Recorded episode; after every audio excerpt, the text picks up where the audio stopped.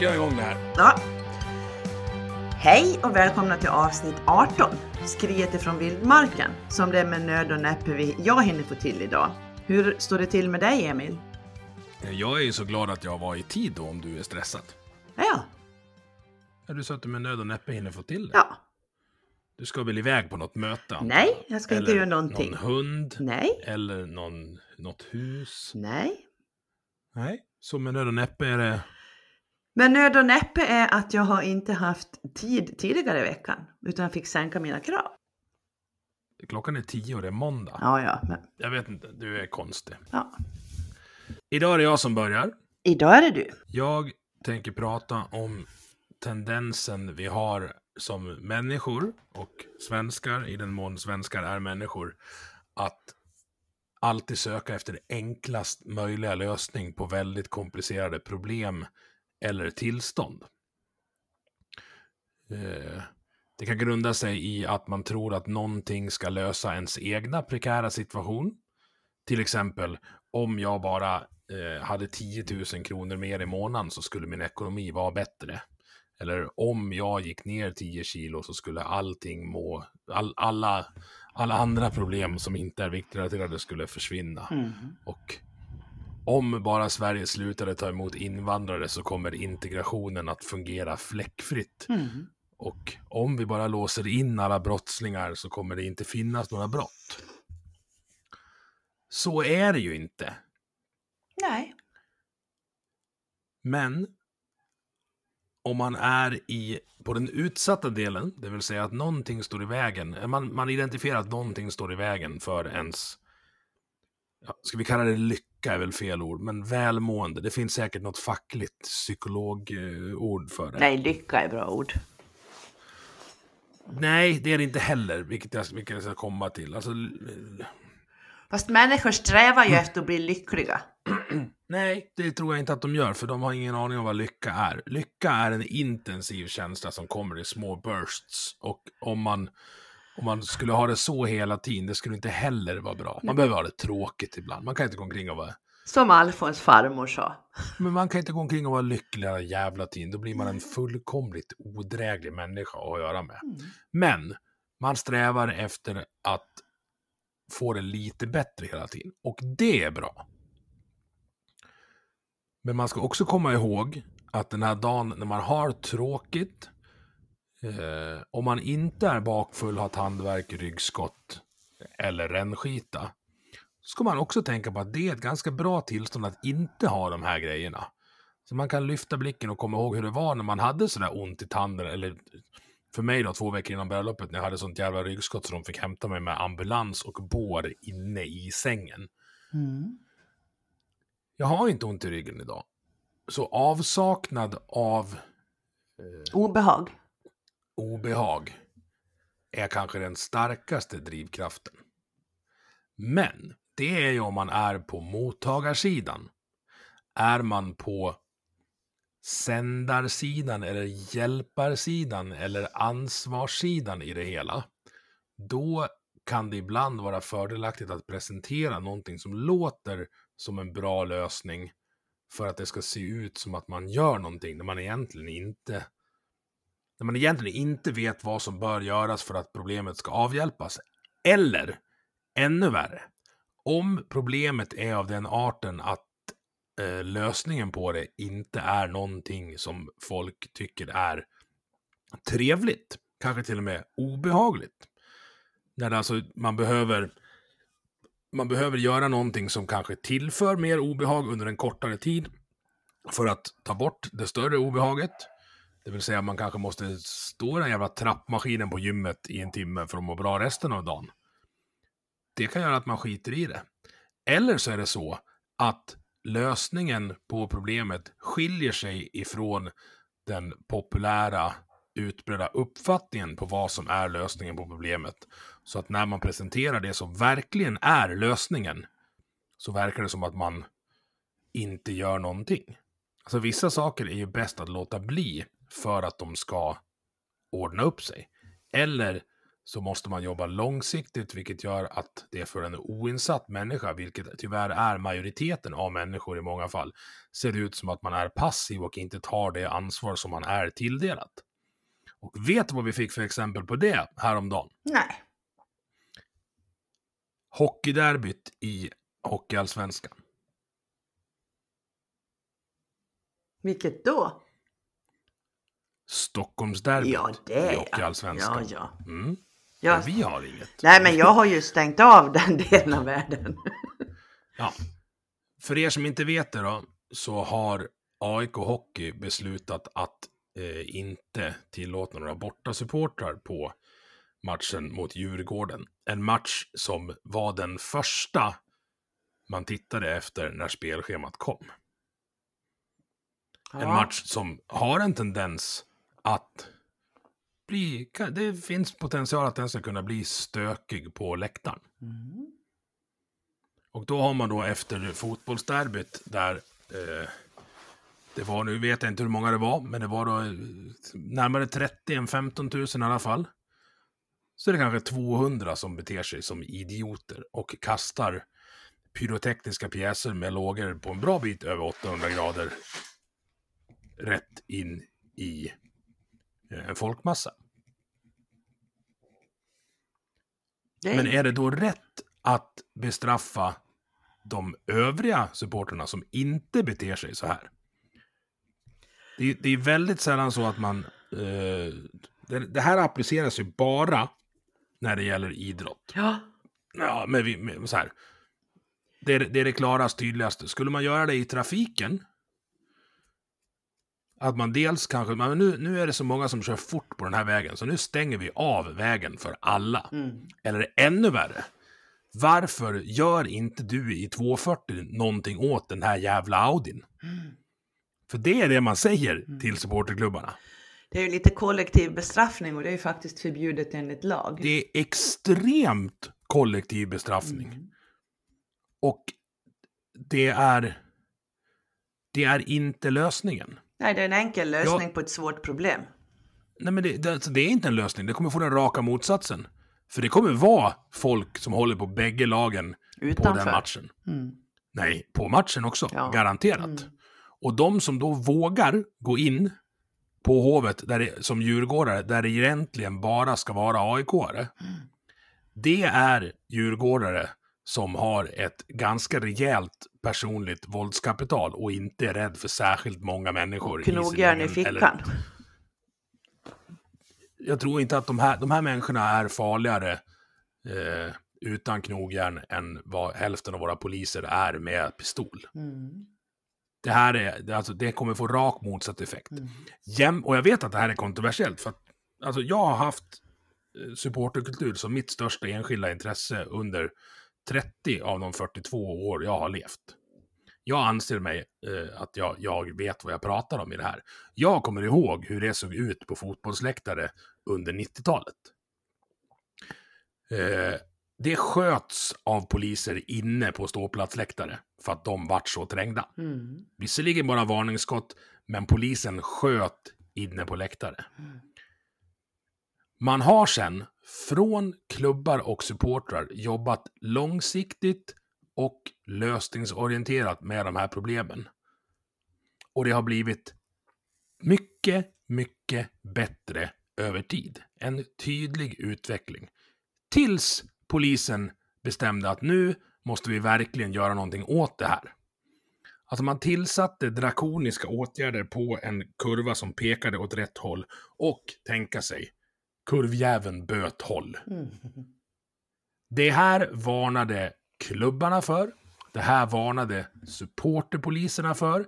Det här varnade SLO-erna, alltså klubbarnas eh, kontaktyta mot sina supportrar organiserade på vilket sätt de än må vara, eller icke-organiserade men passionerade. Det här varnade till och med huliganerna för.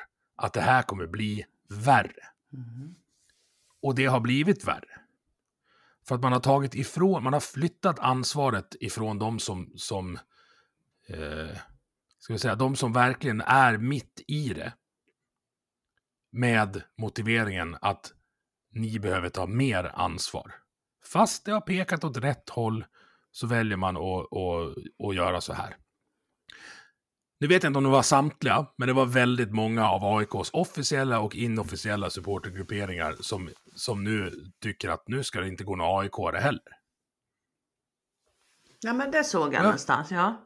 Ja, förmodligen på min Facebook. Ja, det kan det vara. Eh, Det är inte ofta jag delar offentliga uttalanden från Black Army, kan jag säga. Det Nej. händer väldigt, väldigt sällan. Det är inte ofta jag läser dem kan jag säga.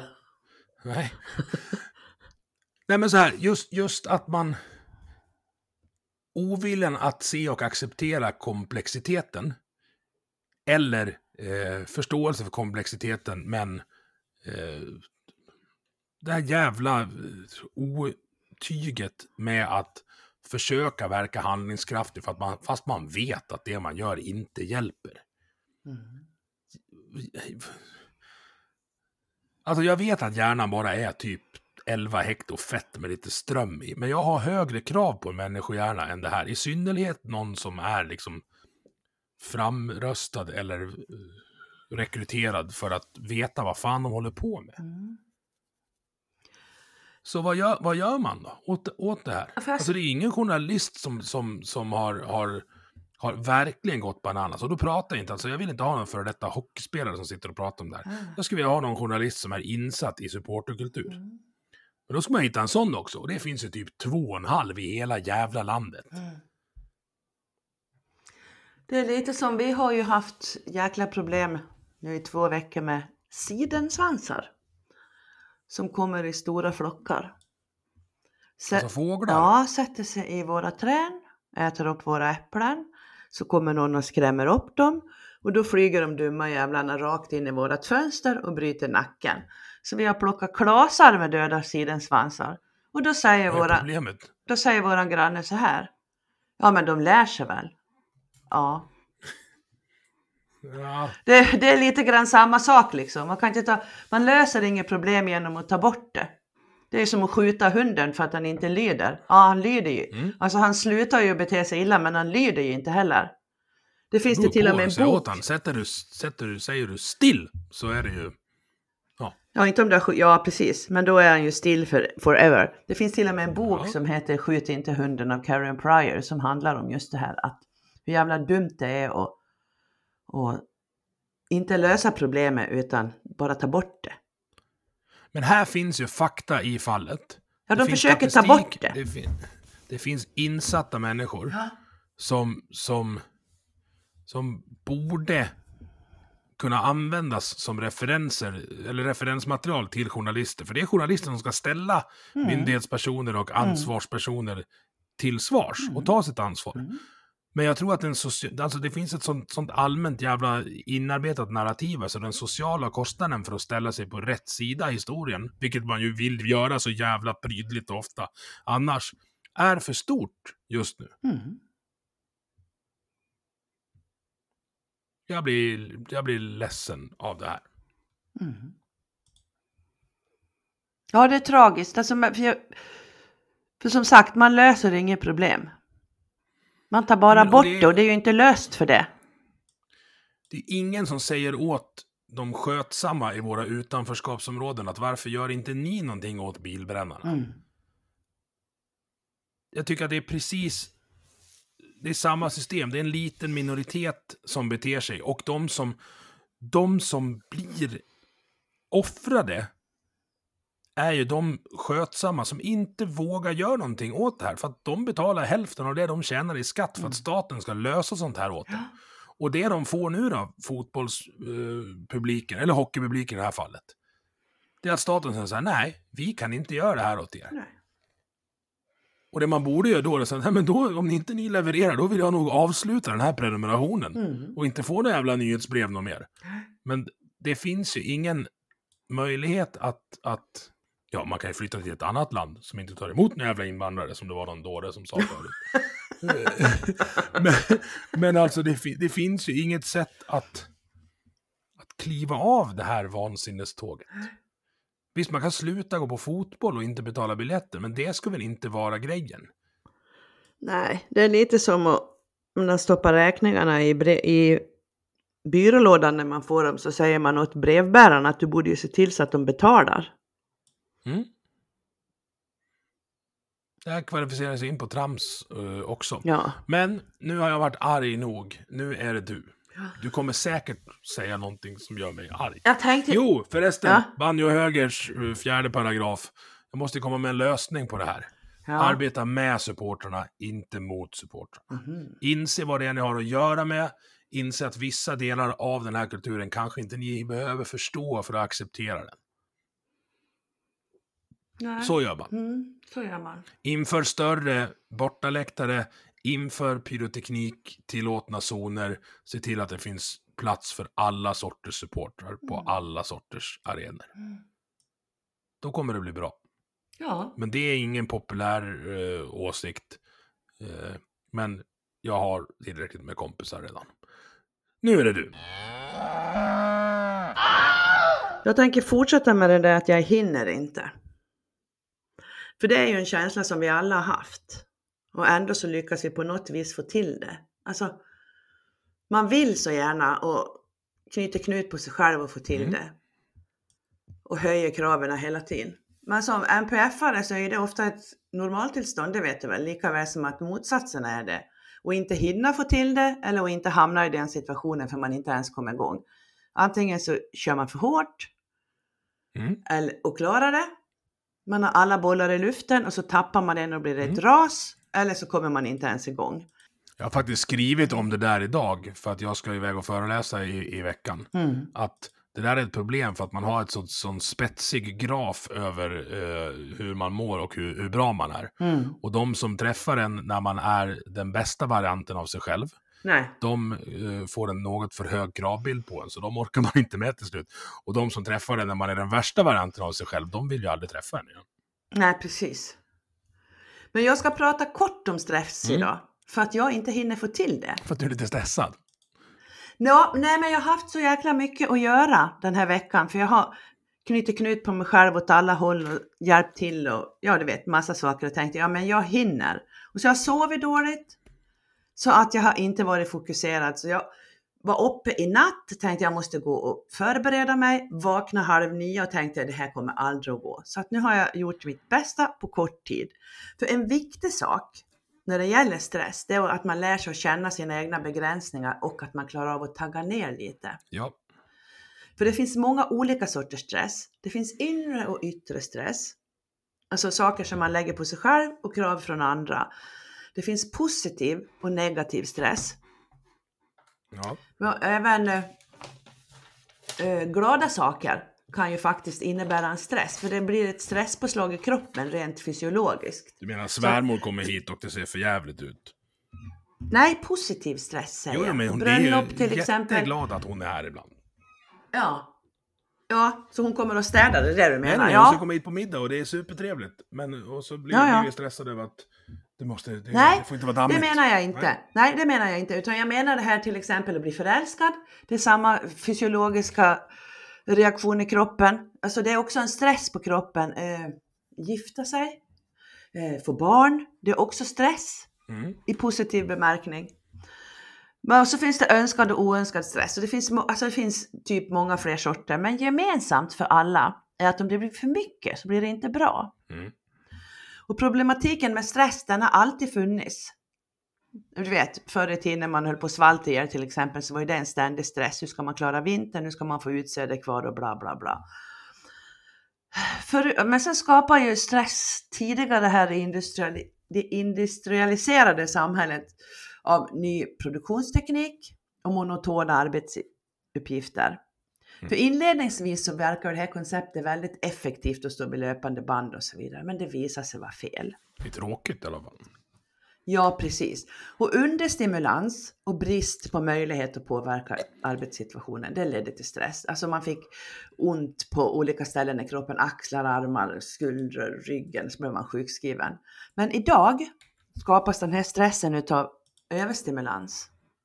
Man förmodas att hänga med och de ökade kraven och tidspressen som man har, den ger höga sjukskrivningstal.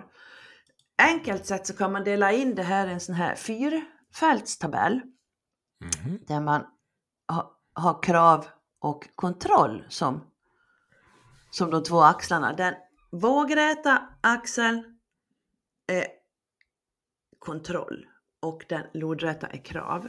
Om man då tänker det övre vänstra hörnet, där har man hög press. Där har man höga krav och hög kontroll. Ja. Låg kontroll, förlåt. Man har höga krav och låg kontroll förstås längst till vänster. Och i det övre högra hörnet så är man väldigt aktiv för där har man höga krav och hög kontroll. Det är när livet flyter på är som bäst.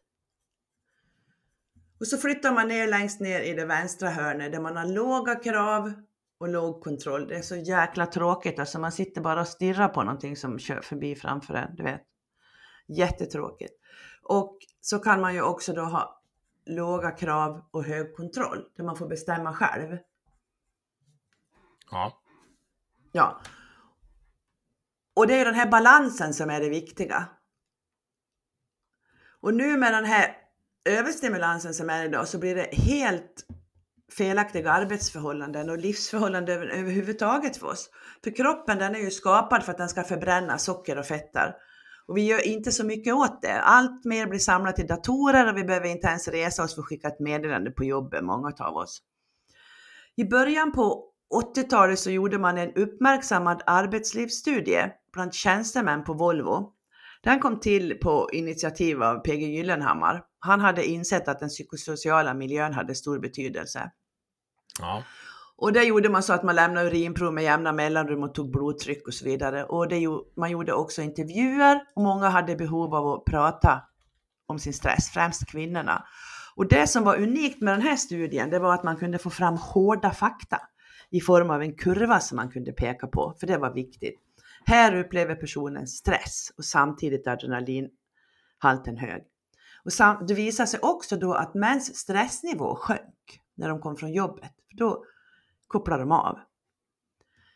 Medan kvinnors stressnivå steg, för då började deras andra arbete. Då fick de tagga upp igen. Och så det finns någonting som heter stressaxeln, eller HPA-axeln heter det på latin är väl det. Det är en beteckning på ett system av hormonkörtlar och hormoner som i normalfallet utger, utgör kroppens svar på stressorer. Ja. Alltså det är människans flykt och kamprespons. Jag googlade vad det står för. Vadå? HPA. Ja. Det här kan inte jag säga. Nej, inte jag heller. Därför sa jag stressaxeln. jag försöker. Hypothalamic pituitary adrenal axis.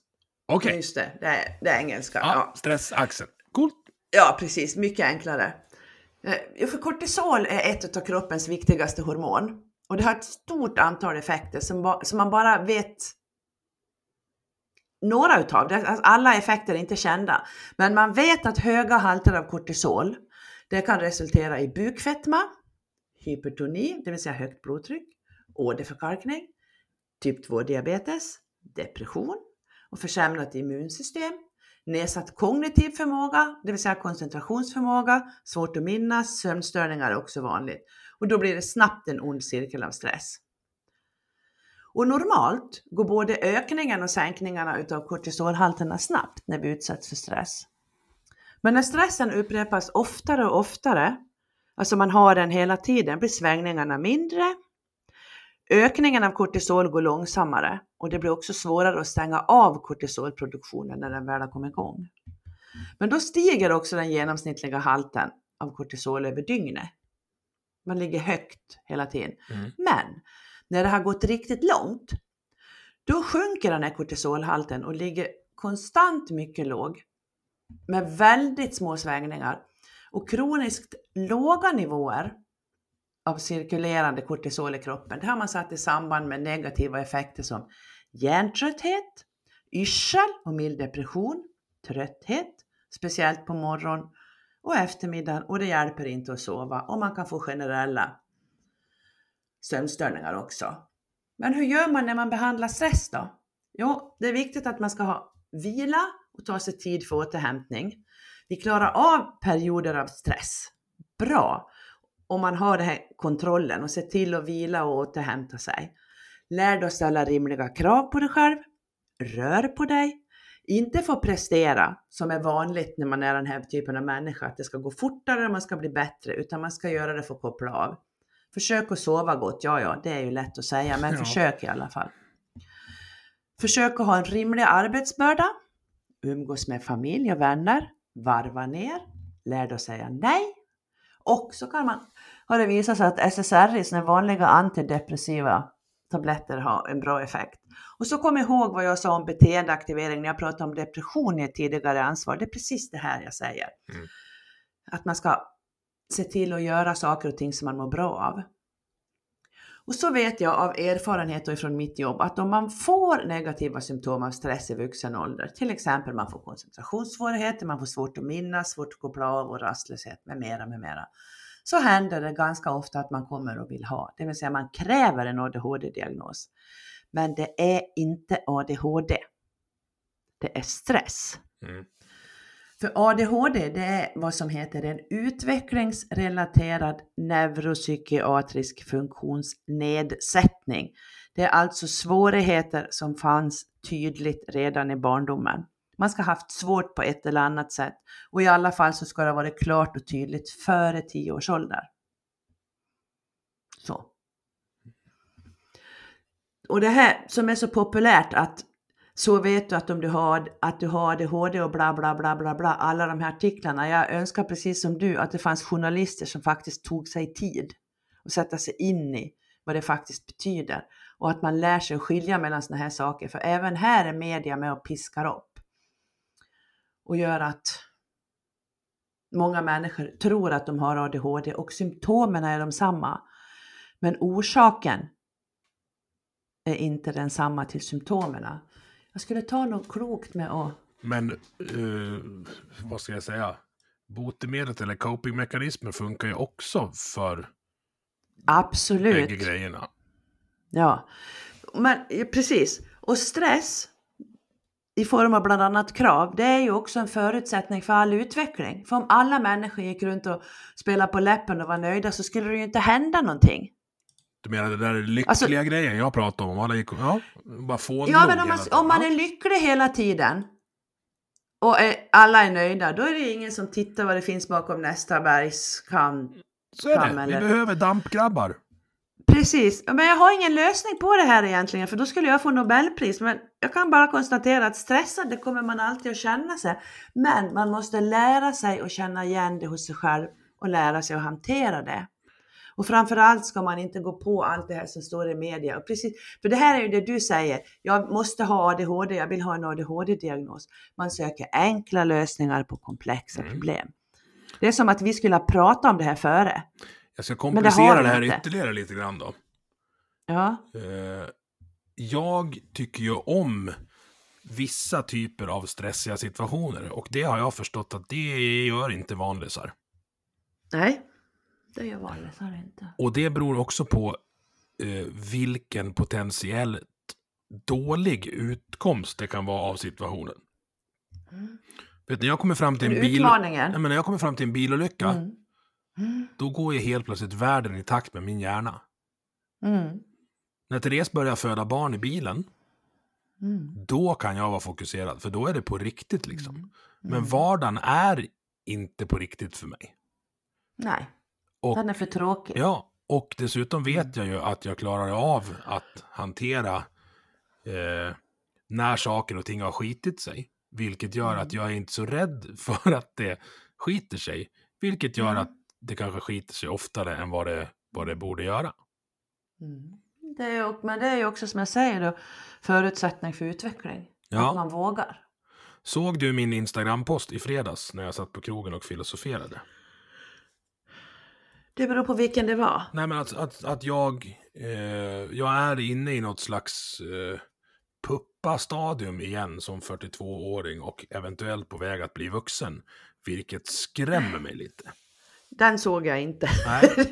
det ska jag vara glad för. Nej, men jag satt på en krog i Norrköping där jag varit på, på kurs i helgen och, och började fundera på varför det är så pirrigt i magen. Och vad det är Mm. jag håller på att gå igenom nu. Mm. Jag satt alltså Ja, på, det- lyssna på det här. Jag satt alltså på en Mm. krog i Norrköping i fredags för att jag skulle på kurs lördag och söndag, vilket gjorde att jag inte var på Tobias Forsberg-hyllningen i lördags. Ja, jag vet. Utan jag Jo, prioriterade, jag var där. jag prioriterade någonting Mm. annat. Mm. Låter det Ja. som jag det? Nej, det låter Nej. inte som du. Förstår du nu hur, vad det är för katarsis jag går igenom nu? Och jag vet Mm. inte vart det här kommer hamna. Men jag vet att jag känner i hela mig att det är rätt sak att göra. Mm. På ett sätt som jag inte har riktigt känt förut på, på ett tag. Eh, jag vet inte vad det här är. Ja, det gör mig rädd och nyfiken. Vad som finns bakom Mm. nästa krök. Lite stress. Väldigt mycket stress. Och utveckling. Väldigt mycket utveckling Mm. och väldigt mycket ifrågasättande introperspektiv på vem Mm. är jag nu? Vad kommer jag bli av det här? Kommer jag ens tycka om den jag är på väg att förvandlas till? Mm. Det är en puppa. Det kan vara en fjäril som dyker ut. Det kan vara en stekel också. Vi har ingen jävla aning vad det blir. Nej, precis.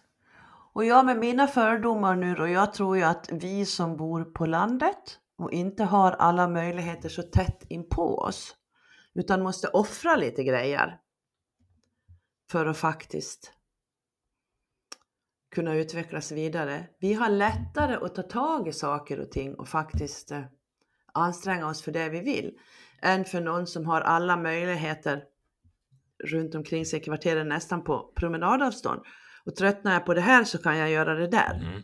För så har inte vi. Så då gör man ingenting istället för att man har så svårt att välja mellan alla potentiella utbud.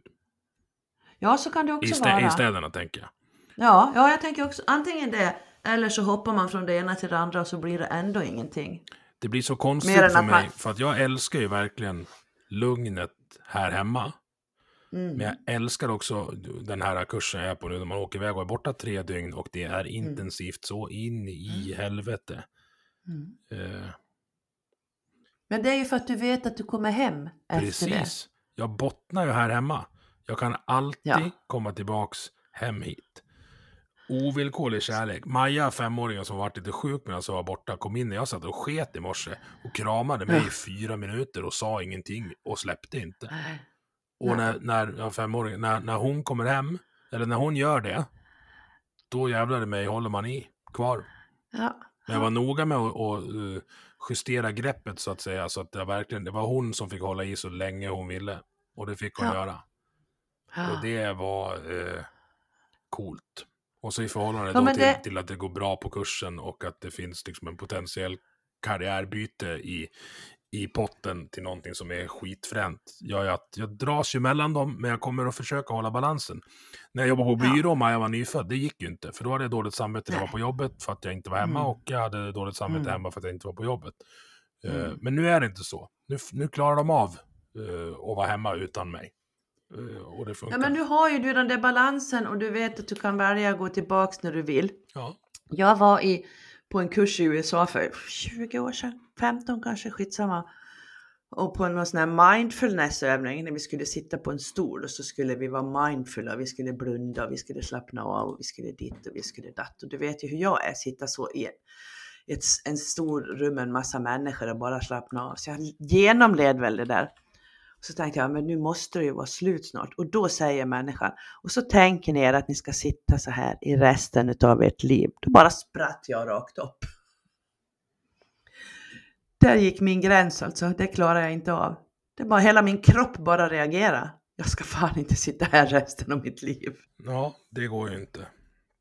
Nej, utan man måste veta att man får komma tillbaks dit man vill. Det är också en kontroll, vet du. En väldigt bra kontroll. Mm. Ska du tramsa nu eller? Du får inget svar därför att det är trams. Du har låtit din hustru läsa hemliga handlingar. Du får inget svar därför att du håller på med trams. Jo, jag ska tramsa. Jag ska prata om vandel. Ja, gör det. Vandel eh, har nu införts som en del av eh, slottsavtalet, om man, om man håller till i, i de röda delarna, eller Tidöavtalet om man håller till i de blåa delarna av spektrumet. Om man slår upp vad ordet betyder. Vilket är, alltså om man, och man ska även kolla det på, på, på vad heter det, eh, Google Trends, hur mycket eh, olika ord söks efter över tid. Kan få en stapel per Mhm. vecka. Eh, Mm.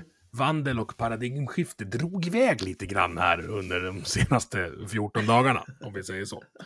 Eh, vandel, handel eller görande och låtande i umgänge med andra. Så är det. Ja. Och det här är då, eh, ska vara ett, ett skäl för hur, om man får vistas i Sverige som, som eh, migrant, eller om man ska slängas ut om man har betett sig dåligt. Det är alltså en juridisk term för att bete dig inte som ett jävla rövhål. Det är tur att du och jag är svenskar från början. Så in i helvete. Fast det här är kanske världens sämsta land att ha ADHD i också. Men det, det får vi prata om någon annan gång. Eh, Men det här vart ju då hemskt och rättsosäkert och eh, snudd på nazism och rasbiologi när det stod i Tidöavtalet. Men då backar man tillbaks lite och kontrollerar vad den förra eh, regeringen gjorde då. Och tänka sig, för två år sedan så införde de vandel som en del i bedömningskriterierna för om man skulle få gå från tillfälligt uppehållstillstånd till permanent uppehållstillstånd.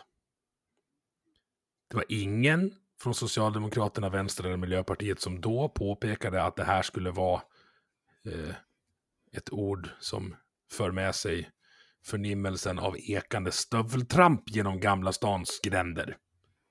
Men nu, när det kommer från den nya regeringen, så är det nazism. Detta i kombination med dårar som hävdar att ja, jag tror inte att det blir några fler demokratiska val i Sverige.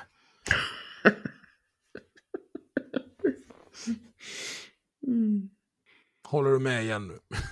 Ja, jag håller med igen. Det är möjligen det om jag kan ty- tycka att det är lite skillnad på att använda vandel som kriterium för att faktiskt få permanent eller tillfälligt uppehållstillstånd eller att bli utkastad direkt utan någon sorts bedömning utan bara på om man är, har vandel.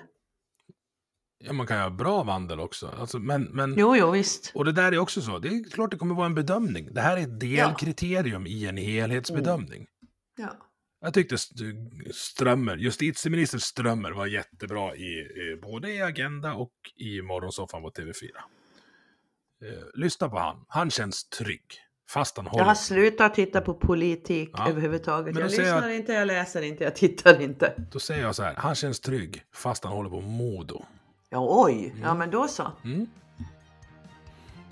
Bra. Eh, tack för idag. Hej. Tack så mycket för idag, hej!